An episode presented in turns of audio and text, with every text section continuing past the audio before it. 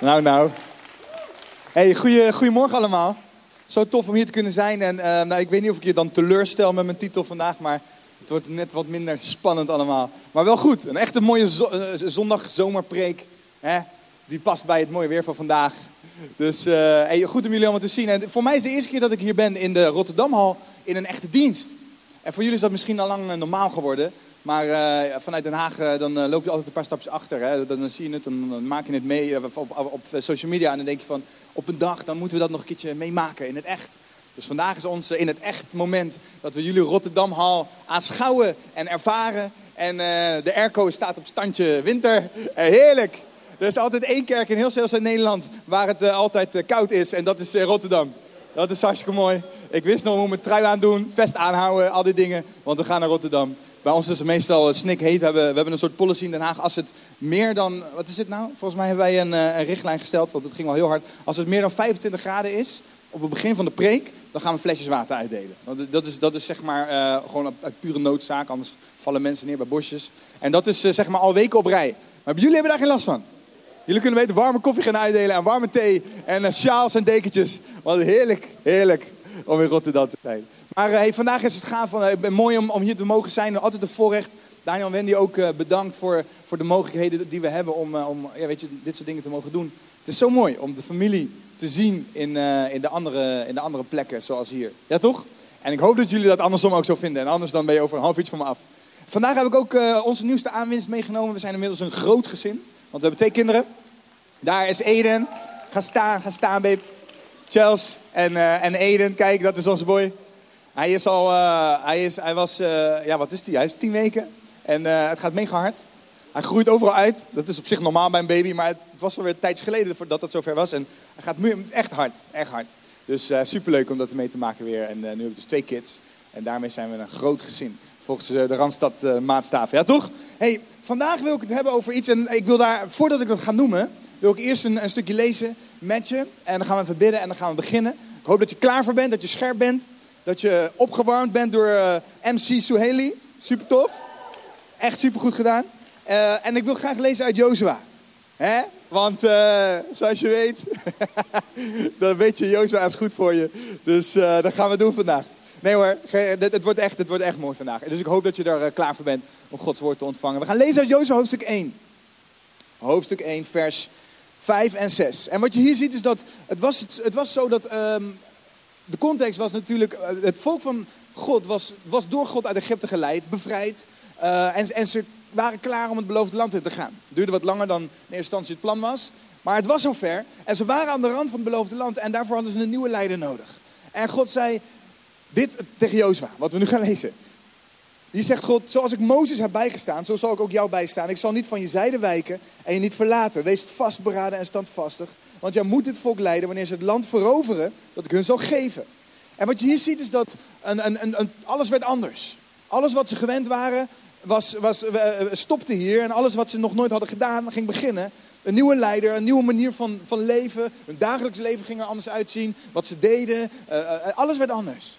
En God zei hier de simpele opdracht voor de ingewikkelde taak om het beloofde land in te nemen. Min of meer gewoon van, hupsakee, zet hem op. Ik, uh, ik, ik zal niet van je zijde wijken. Ik zal bij je zijn op het moment dat je, weet je uh, uh, standvastig bent en moedig en vastberaden om te doen waarvoor ik je geroepen heb. En ik denk van soms is het, dit is waar we vandaag wat meer uit gaan, gaan lezen, maar het is zo interessant om te zien wat God hier zegt. Dat ondanks dat hij het beloofde land belooft, zei hij dat ze het moesten veroveren. En ik weet niet of jij wel eens situaties in je leven hebt dat je denkt van, maar dit was toch een belofte van God of een woord van God. Maar waarom lijkt het dan een strijd? Terwijl als God iets zegt te geven, waarom is het dan een strijd? Maar als ik tegen Charles zeg, Charles, ik, ik, ik geef jou iets.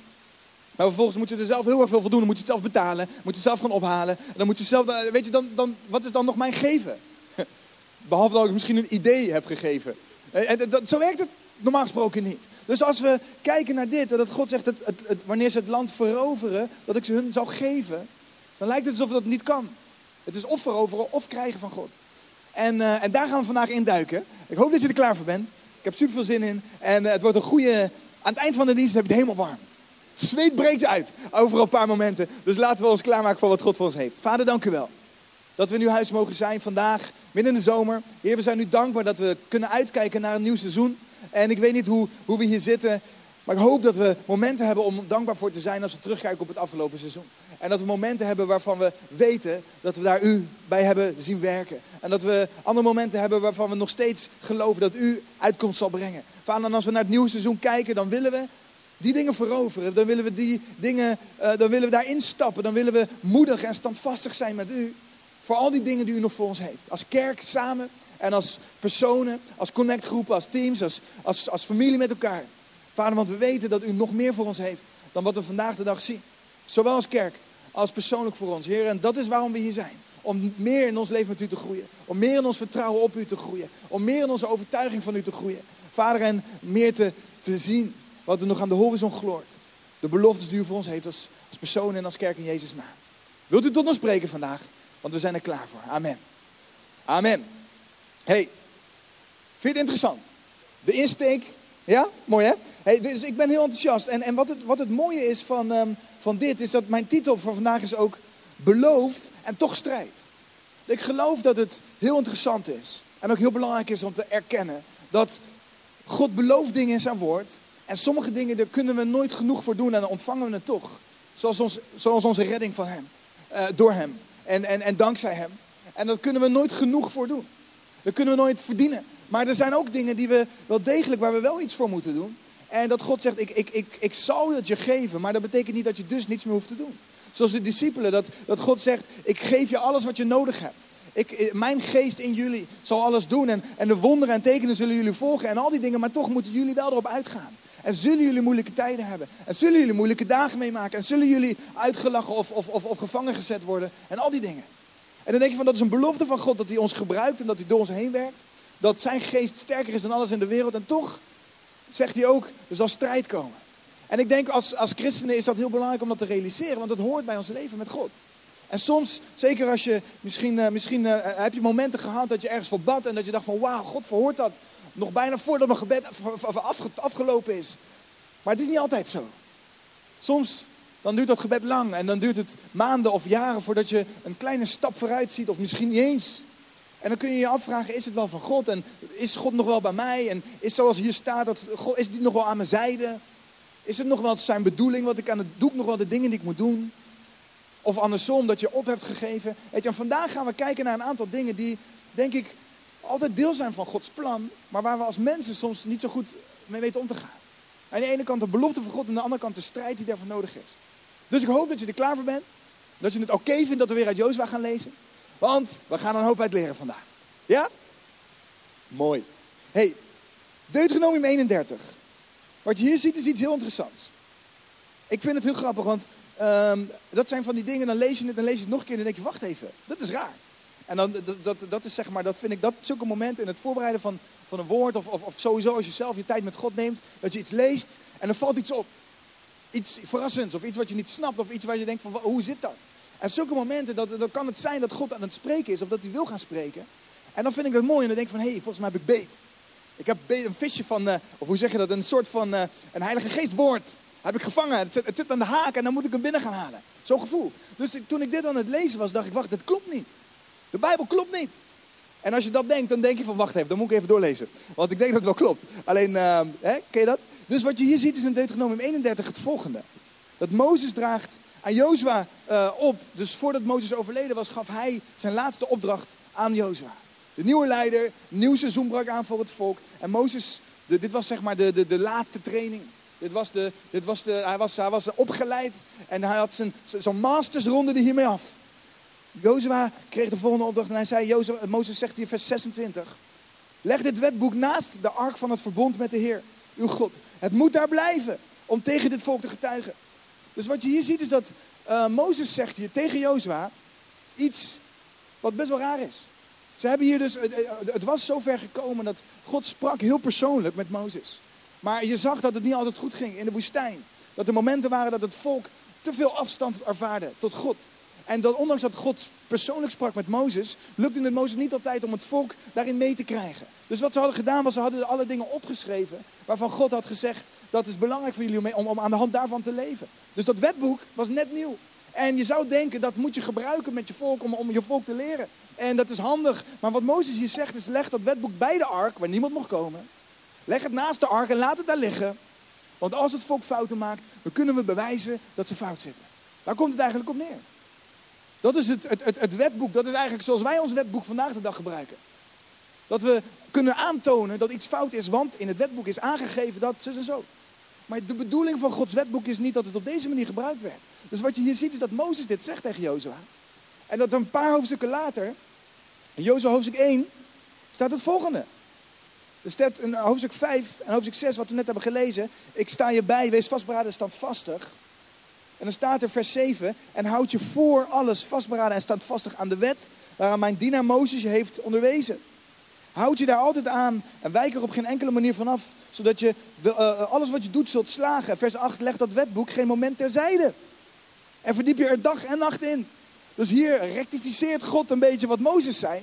God zegt, wacht even. Hij zegt het heel netjes. Geen, geen, uh, geen modder gooien naar Mozes. Maar het is duidelijk dat God het anders zegt dan Mozes zei.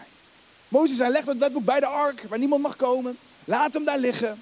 En God zegt hier, neem dat wetboek en, leer ervan.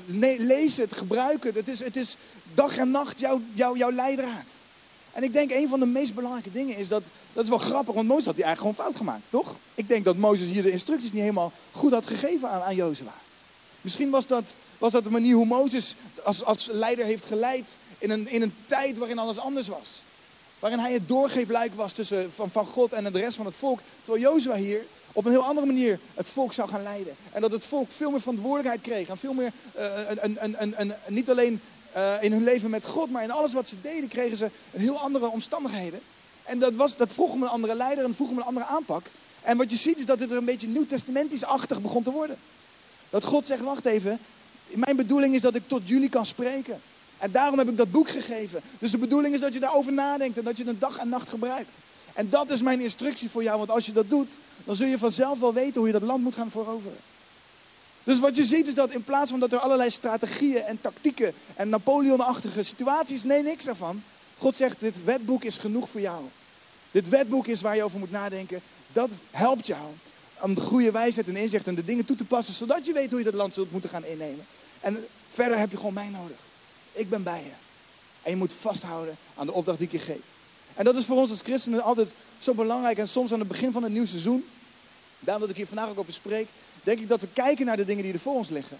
En dan heb je denk ik vast iets waarvan je toch wel uh, een soort een, een, hoop of een doel hebt gesteld. Of iets waarvan je zegt, ik, ik ga God daarvoor geloven. Of ik, ik, ik, ik hoop dat dat gaat veranderen dit seizoen. Of ik hoop dat er een doorbraak komt. Of ik hoop dat die genezing komt. Of ik hoop dat die nieuwe baan komt. Of ik hoop dat die, weet je, dat soort dingen.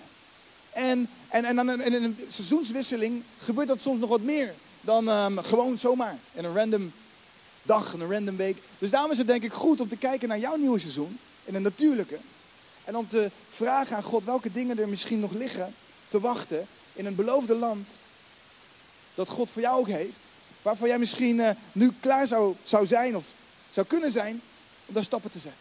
Want als we dit gaan lezen, dan zul je gaan ontdekken dat er heel interessante dingen zijn die we gaan leren vandaag. Het eerste is dat, het eerste is dat God zegt, we zijn gemaakt voor Gods land. Wij zijn gemaakt om een stuk beloofde land te hebben. Wij zijn gemaakt om, om een eigen deel te hebben, aandeel te hebben in dat land. En wat je zag is dat een van de grootste verschillen was dat ze uit, als slaaf uit Egypte kwamen, waar ze niets hadden.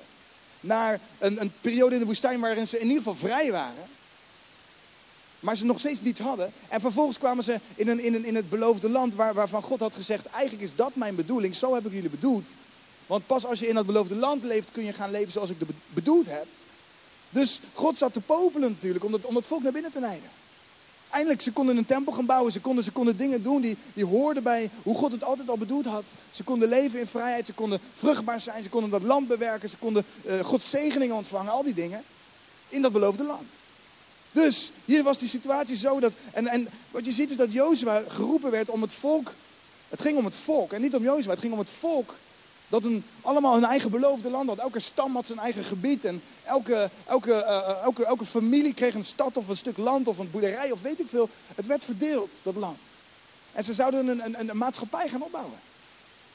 Dus voor iedereen was er een stuk beloofde land. En je ziet op een gegeven moment zelfs dat Caleb zegt. Ik weet niet of je de tekst kent, ik heb hem niet bij de, beamer. En dan zegt hij op een gegeven moment, geef mij die berg. En dan staat erbij in de Bijbel dat hij 80 jaar oud was toen hij een nieuw gebergte ging veroveren. En ik weet niet wat jij doet dat je 80 bent. Maar waarschijnlijk ben je daar niet zo hard meer mee bezig. Maar Caleb was zo vol van overtuiging van God en van zijn kracht natuurlijk. Dat hij, dat, dat hij zei, ik ga dat gebergte veroveren op de tachtigste. En er staat erbij dat hij nog niet was afgenomen in kracht. En ik denk, wauw. Hoe, wat een, wat, een, wat, een, wat een bestemming zat er in die man. Wat gaaf dat zo iemand op die leeftijd zo vol was. Beseffend dat God nog iets voor hem had. Er was nog een gebergte in te nemen. En dat vind ik interessant. En dan denk ik soms, hoe, hoe staan wij soms wat makkelijk aan het begin van een nieuw seizoen? En we hopen dat het allemaal weer lekker doorgaat. En je zag natuurlijk dat, dat, dat volk dat, dat wandelde 40 jaar door die woestijn. En ze hadden het op zich prima. Ze hadden airco, zoals wij hier ook. Ze hadden, weet je wel, God een grote wolkolom in de, in de woestijn, een beetje schaduw. En s'avonds hadden ze vuur, want in de woestijn kan het afkoelen. God was een grote vuurkolom in de nacht. Ze kregen elke dag vers eten. Ze kregen, ze kregen kip en alles en die dingen die... God zorgde voor ze.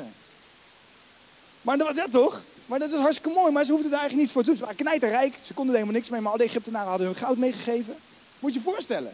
Zit je dan? Hun kleding, kleding sleet niet. Saai leven. ze kregen alles. Dat was all inclusive.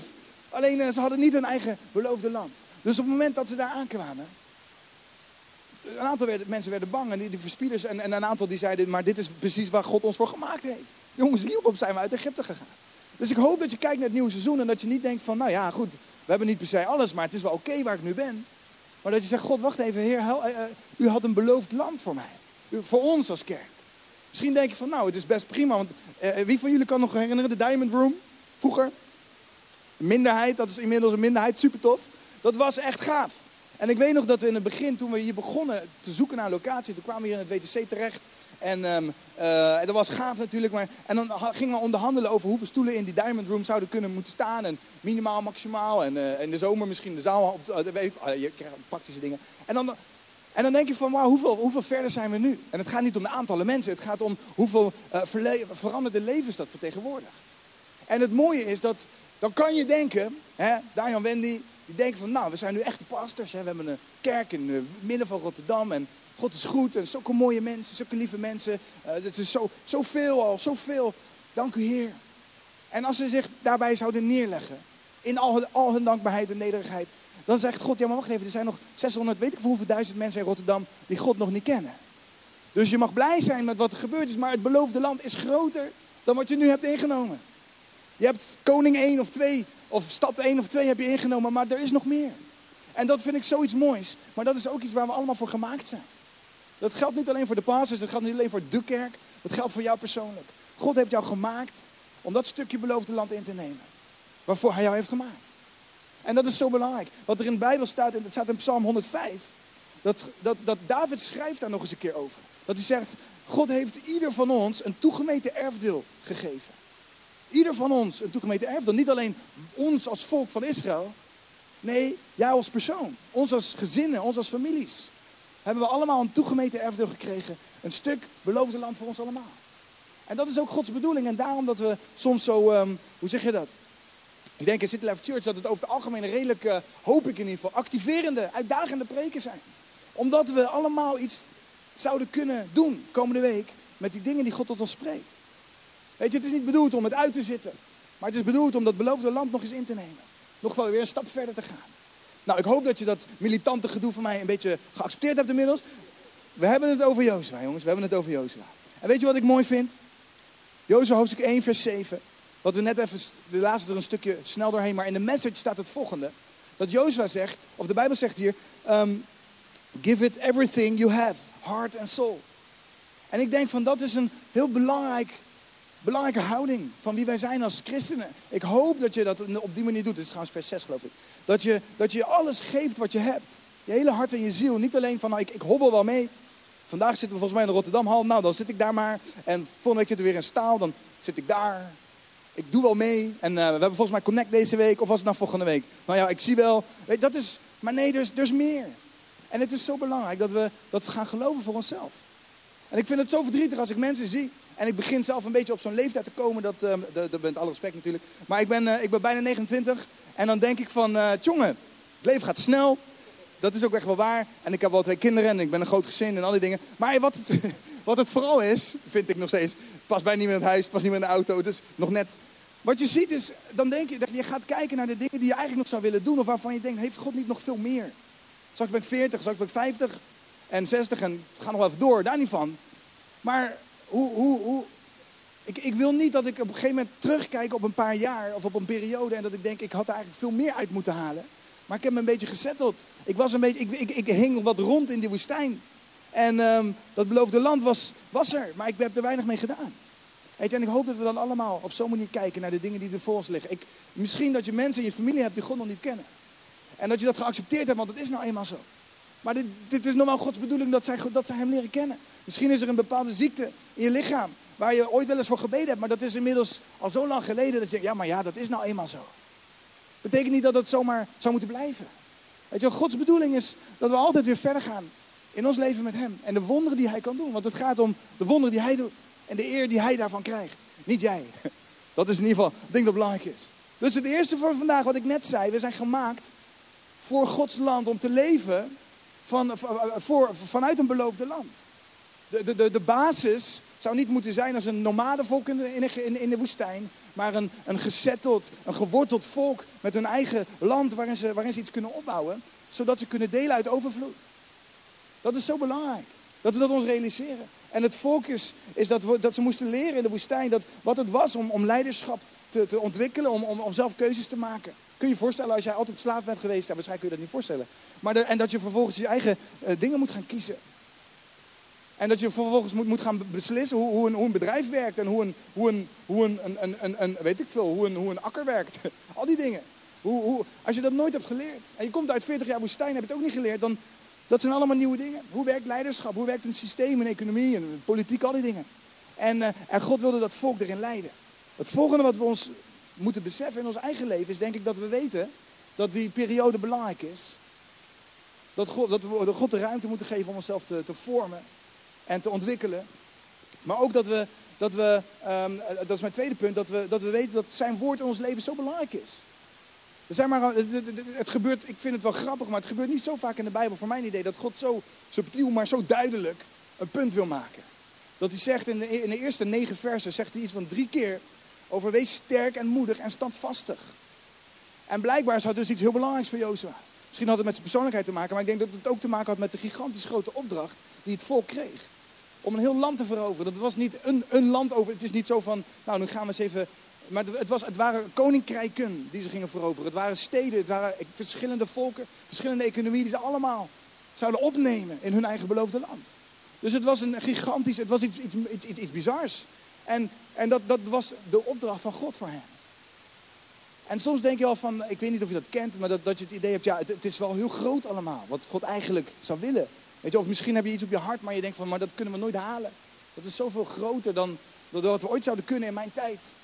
Dat we ooit zouden kunnen. En God denkt gelukkig in generaties, maar hij zegt, mijn woord is zo belangrijk in jouw leven om je te leiden. Laat hem niet bij die ark liggen. Dat heilige, die heilige plek waar je eigenlijk amper kan komen. Nee, jouw dagelijks leven. Dat is waar je dat woord moet hebben liggen. Dat is waar die, waar die moet zijn. Denk erover na, dag en nacht. Als je je afvraagt, Heer, hoe moet ik hier nou mee omgaan? Mijn woord, daar is het antwoord. Als God zegt, ik, als je daarover nadenkt, dan zul je zien dat alles wat je onderneemt gelukt. Dat is de bron die we nodig hebben. Gods woord, zijn levende woord. En dat kan soms door zijn woord heen komen. Het kan door de gesprekken met anderen heen komen. Het kan gedachten zijn die God jou geeft. Maar we hebben het nodig en we moeten ermee bezig zijn. Komt niet vanzelf. En ik weet niet of je dat kent als je het drukker hebt. Of, of de, de, weet je, dingen worden overweldigender. Dat je soms des te harder op zoek gaat naar de Godstem in je leven. Ken je dat? Dat je, dat je soms, ondanks dat je drukker bent, dat je nog meer dat gevoel hebt. Ik heb God nu echt nodig. Ik moet nu echt mijn tijd met hem hebben vandaag. Ik moet nu echt serieus niet dat overslaan, want ik heb hem hard nodig. En dat is precies zijn bedoeling. Daarom zei hij, je hebt dit woord nodig. Want je gaat een, een, een beloofd land innemen. En dat is voor ons allemaal. Ik hoop niet dat je dit ziet als een soort geschiedenisles over Jozua. Zie het alsof, alsof God het tegen jou zegt. En weet je wat we lezen? Met, um, met, met, in, in Exodus zie je iets heel interessants.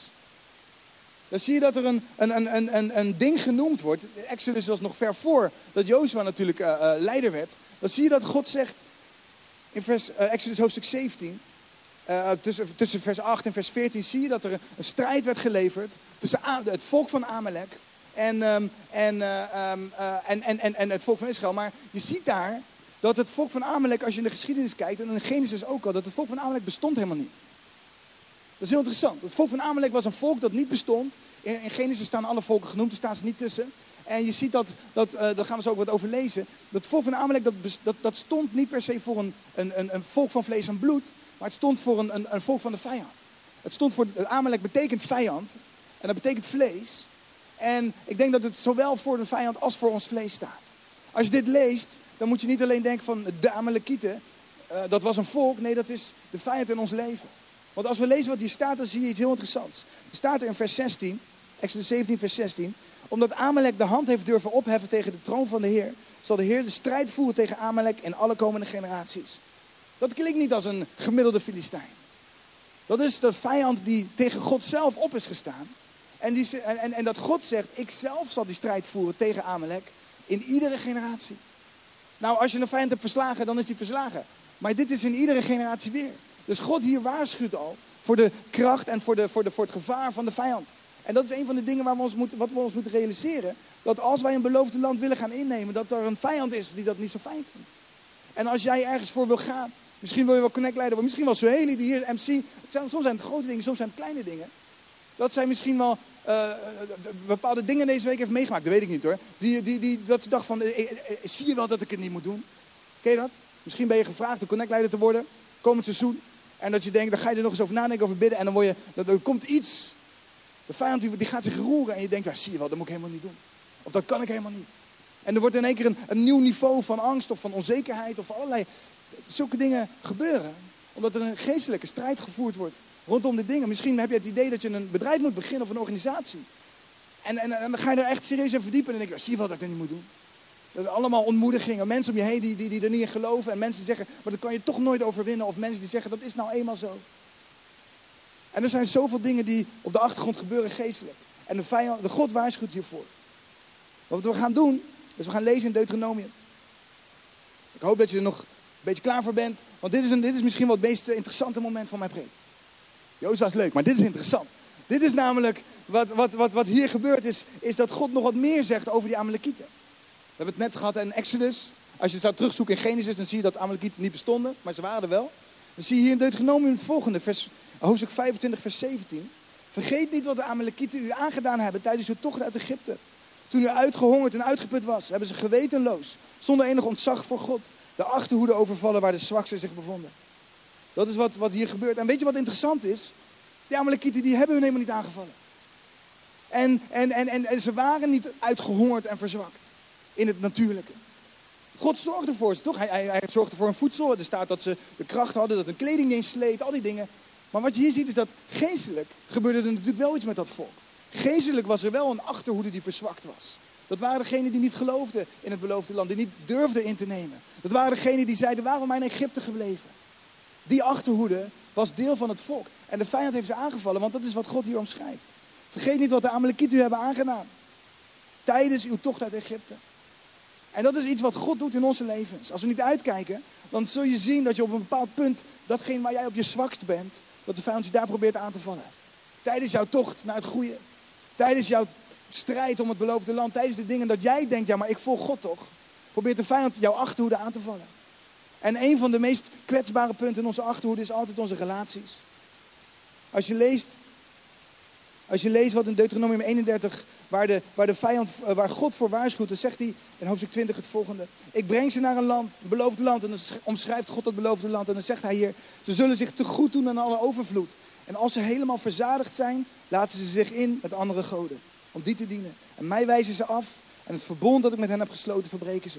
God ziet eigenlijk al aankomen dat er twee momenten van, van, van zwakte kunnen zijn. Als iemand helemaal verzadigd is. Als de strijdlust verdwenen is. Als je hebt gezet tot waar je bent. Dan zegt hij, en dan gaan ze mij vergeten. Dat is wat God tegen Mozes zegt. In een persoonlijk gesprek met Mozes. Hij zegt, ik weet dat ze me gaan vergeten. Ik vrees dat ze me gaan vergeten. Als ze helemaal verzadigd zijn, dan laten ze zich in met andere goden. En dan verbreken ze mijn verbond. En het andere is wat we net lazen. Op het moment dat je zwak bent, dat je ontmoedigd bent, dat je angstig bent voor het beloofde land. Voor de reuzen die je misschien tegenkomt. Voor die grote steden en muren die er voor je staan. Dat is het andere punt waar je zwakte kunt, kunt hebben. En op die gebieden probeert de vijand ze aan te vangen.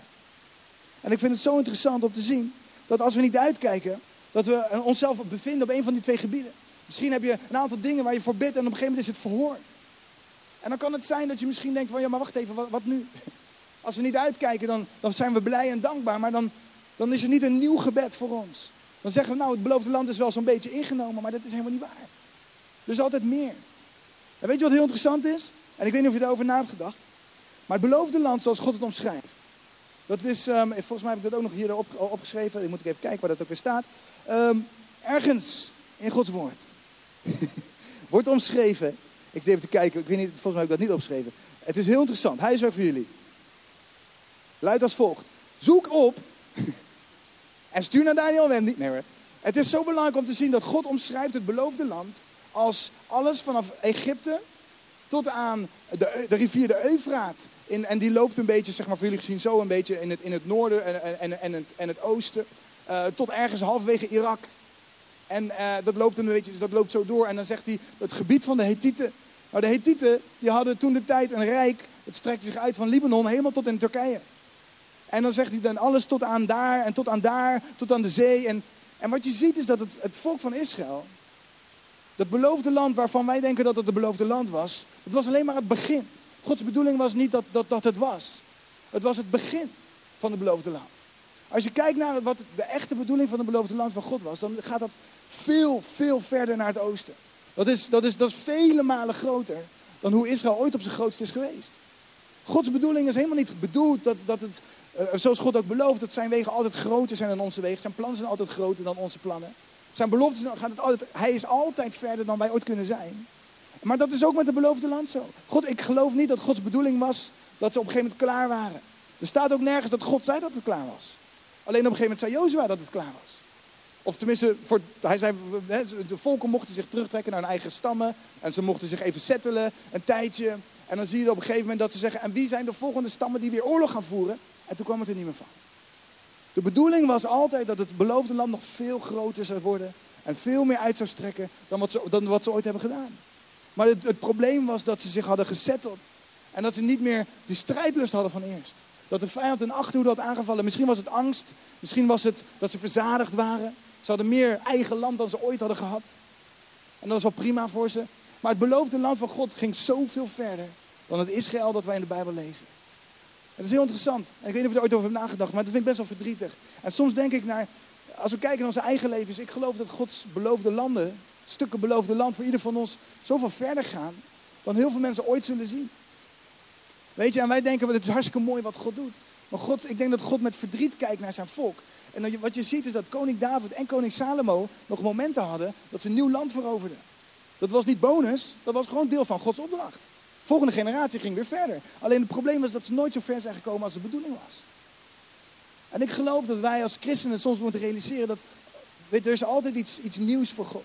Dus, en, en, en je kunt je, ik, ik vind het zelf moeilijk te geloven. In Den Haag hebben we hebben 530.000 mensen. En ik denk van ja, jongen, die zullen, die zullen natuurlijk nooit allemaal God leren kennen. Als, hè, dat denk ik dan. En dan denk ik van ja, maar hallo, wacht even.